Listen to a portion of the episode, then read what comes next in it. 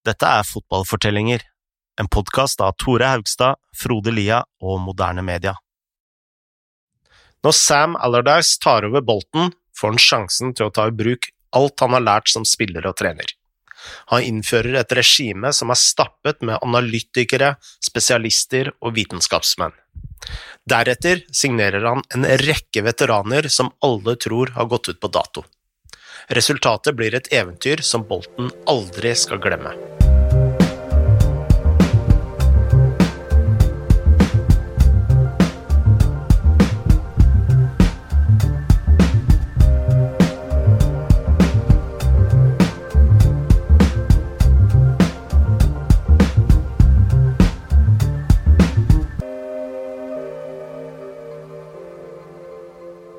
Er sjelden at uh, trenere kommer til dekket bord når de tar over en ny klubb.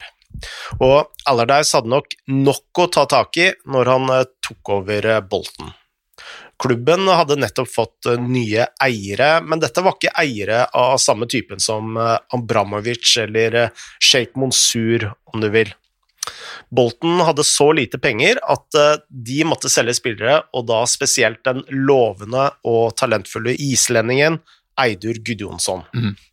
I akkurat Gudjonssons tilfelle så klarte de å beholde han i ja, en liten stund, men, men, det var klart at de trengte et opprykk ganske sårt for å liksom holde finansene gående. Uh, og du merka litt på denne statusen da, på fasilitetene også. Mm. Uh, treningsfeltet var så nedslitt at spillerne ikke engang hadde lyst til å dusje der. Uh, de kom til trening ferdig skifta og dro rett hjem igjen.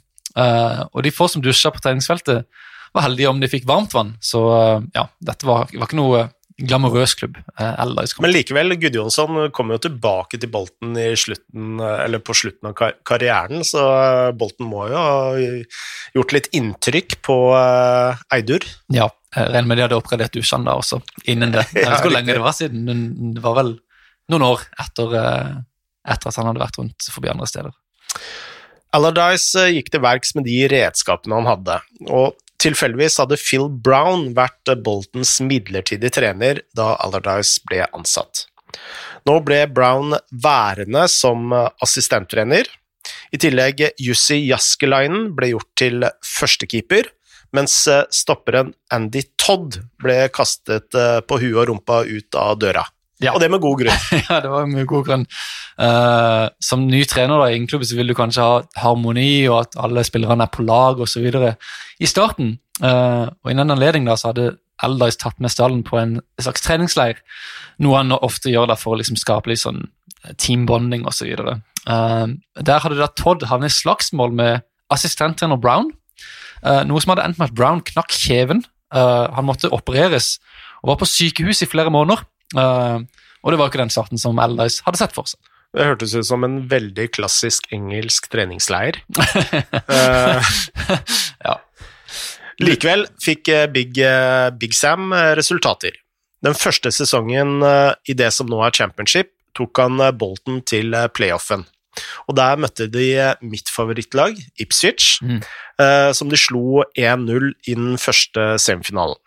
Men i returkampen ga dommeren Barry Knight tre straffer til Ipswich og to røde kort til Bolton. Og jeg så jo kampen, og jeg skjønner at Allardyce eh, var litt grinete. Ja. Uh, for det var vel ikke åpenbare straffer eller åpenbare røde kort. De var mer I en så viktig finale så holder det ikke med oransje kort. Mm. Etter kampen eh, så blei jo Allardyce eh, fly forbanna, på godt norsk, og han eh, raste mot døra til dommergarderoben, hvor en livredd dommer Knight hadde låst seg inn. Allardyce skal ha innrømmet senere at hadde han fått tak i Knight, så hadde han mest sannsynlig måtte blitt fjerna av politiet. jeg tror så Jeg hadde vært ganske redd der, så tror jeg om jeg hadde vært Knight bak den døra der.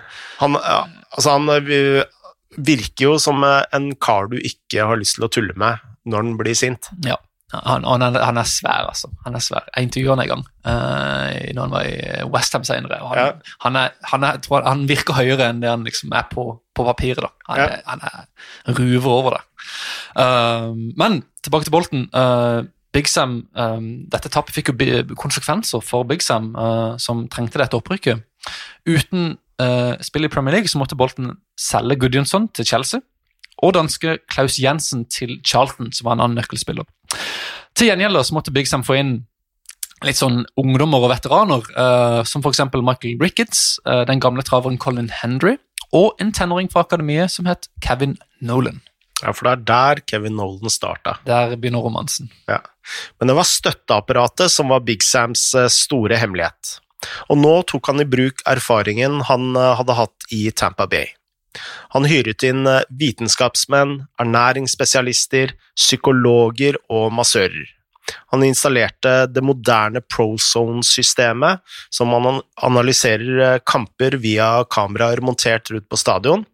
Han hentet også sin egen analytiker fra firmaet, og studerte DVD-er og forberedte videoer av nye kjøp av fremtidige motstandere. Han var rett og slett helt i forkant i England på, på denne videorevolusjonen. Han var det, eh, og Big Sam anså dette amerikanske systemet da som en slags hemmelighet som ingen andre visste om i England. Det var jo lenge siden han hadde vært der, men det var ingen lag nesten som brukte alt dette. Eh, så eh, han tenkte jo da at jo før han før overført disse metodene til engelsk fotball, eh, desto større fordel vil han ha.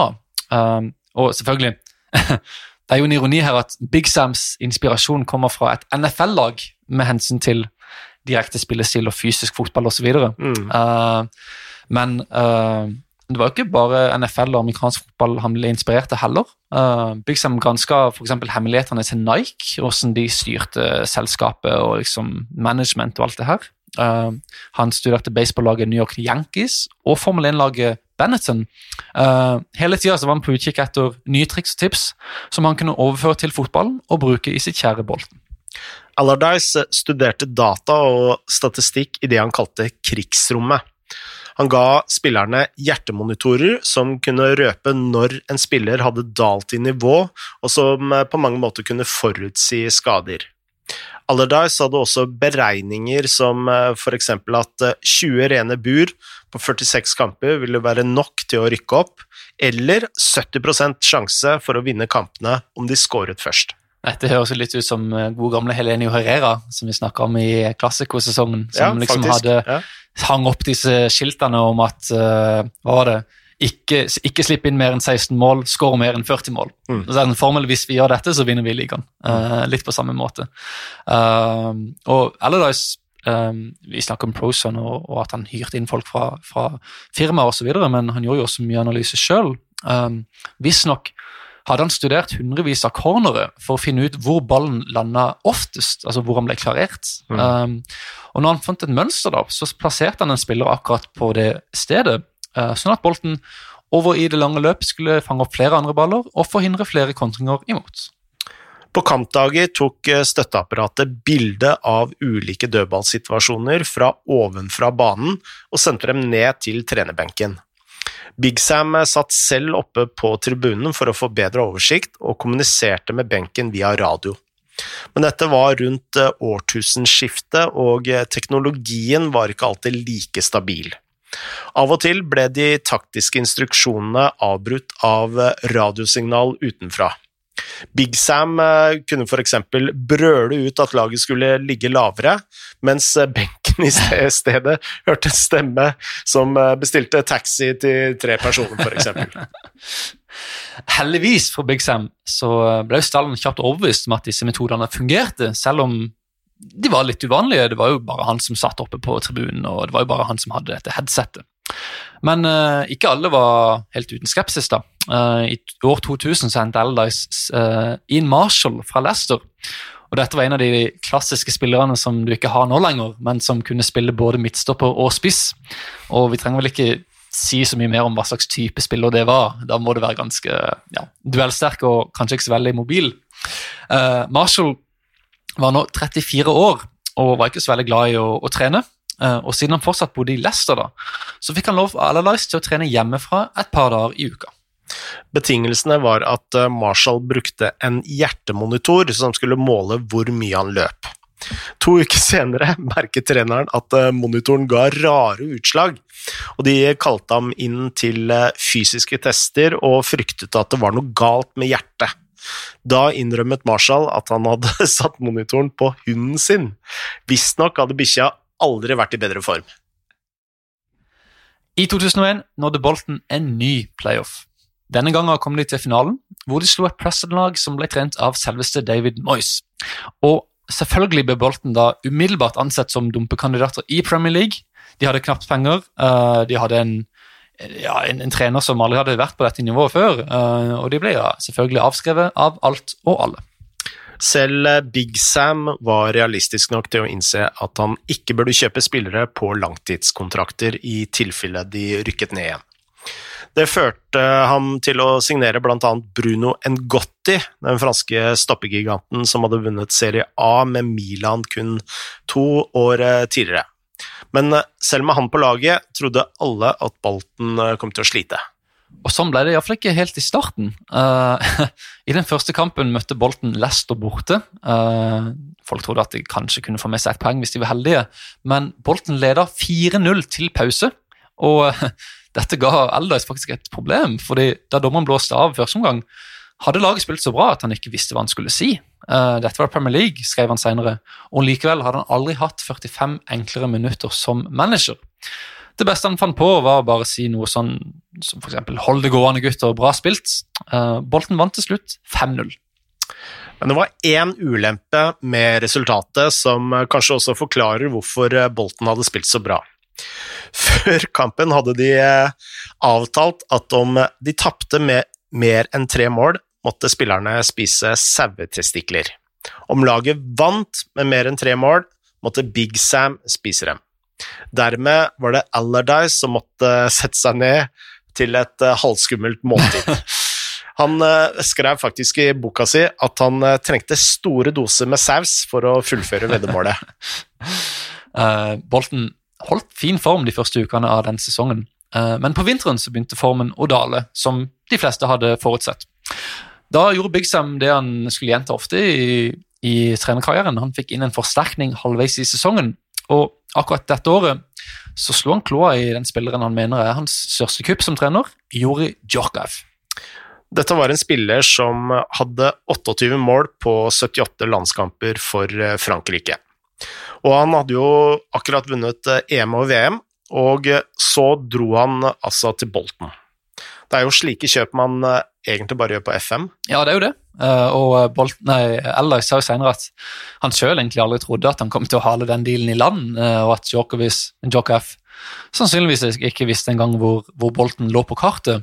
Men uh, dette var i, i, februar 2002, og timinga var jo egentlig ideell for Bolten. Djokovic var desperat etter å få vist seg frem i forkant av VM i eh, Sør-Korea og Japan, som kun var noen måneder unna. Eh, og Det ble avgjørende for at Bolten fikk avtalen i boks. Djorkaev ble en eh, åpenbaring i Bolten. Selv i en alder av 33 år holdt han et nivå som Allardyce beskrev som verdensklasse. Med han på laget beholdt Bolten plassen i Premier League, og Djorkaev skåret i 4-1-seieren mot mitt kjære Ipswich, som sikret fornyet kontrakt.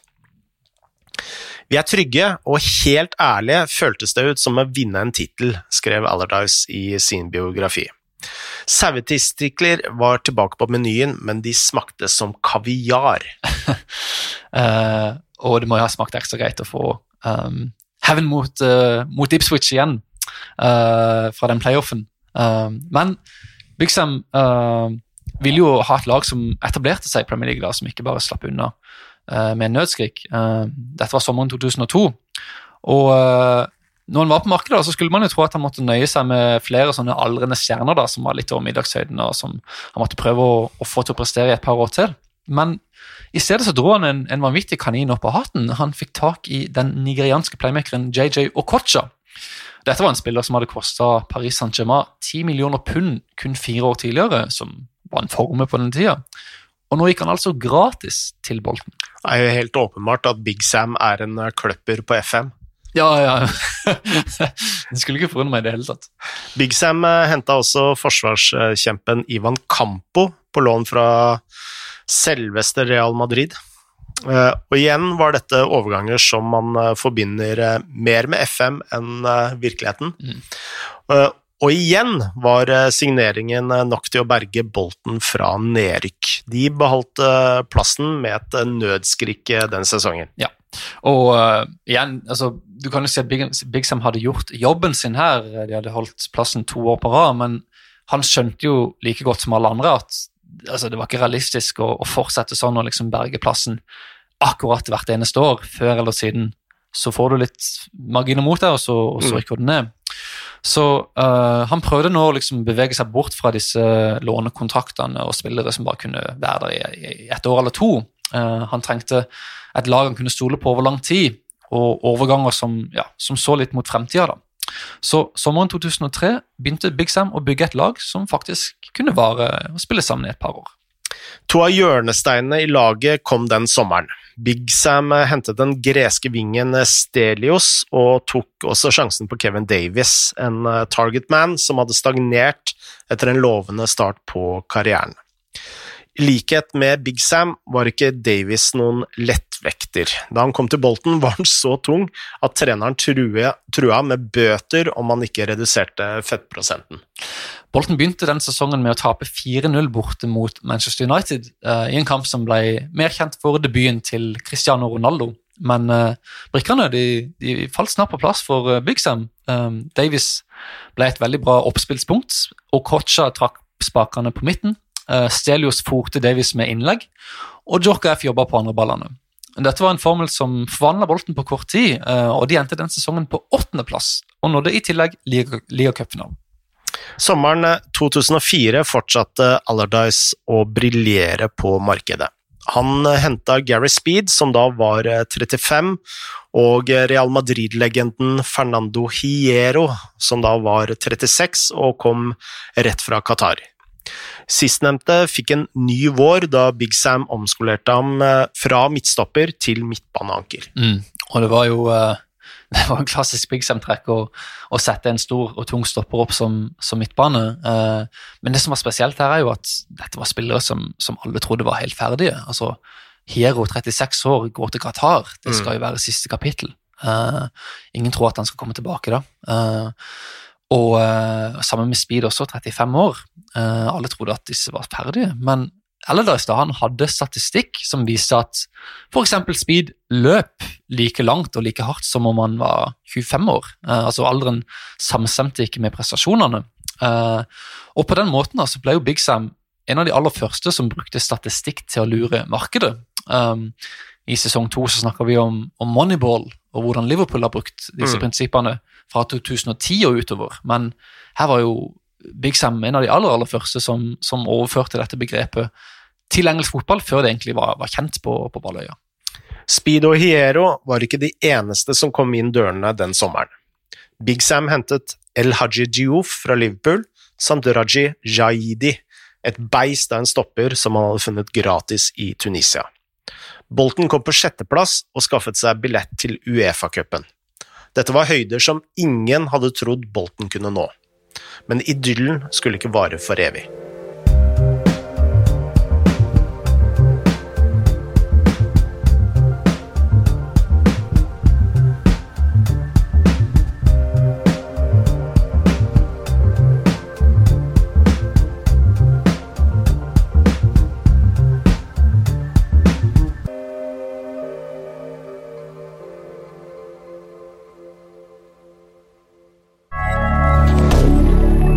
media.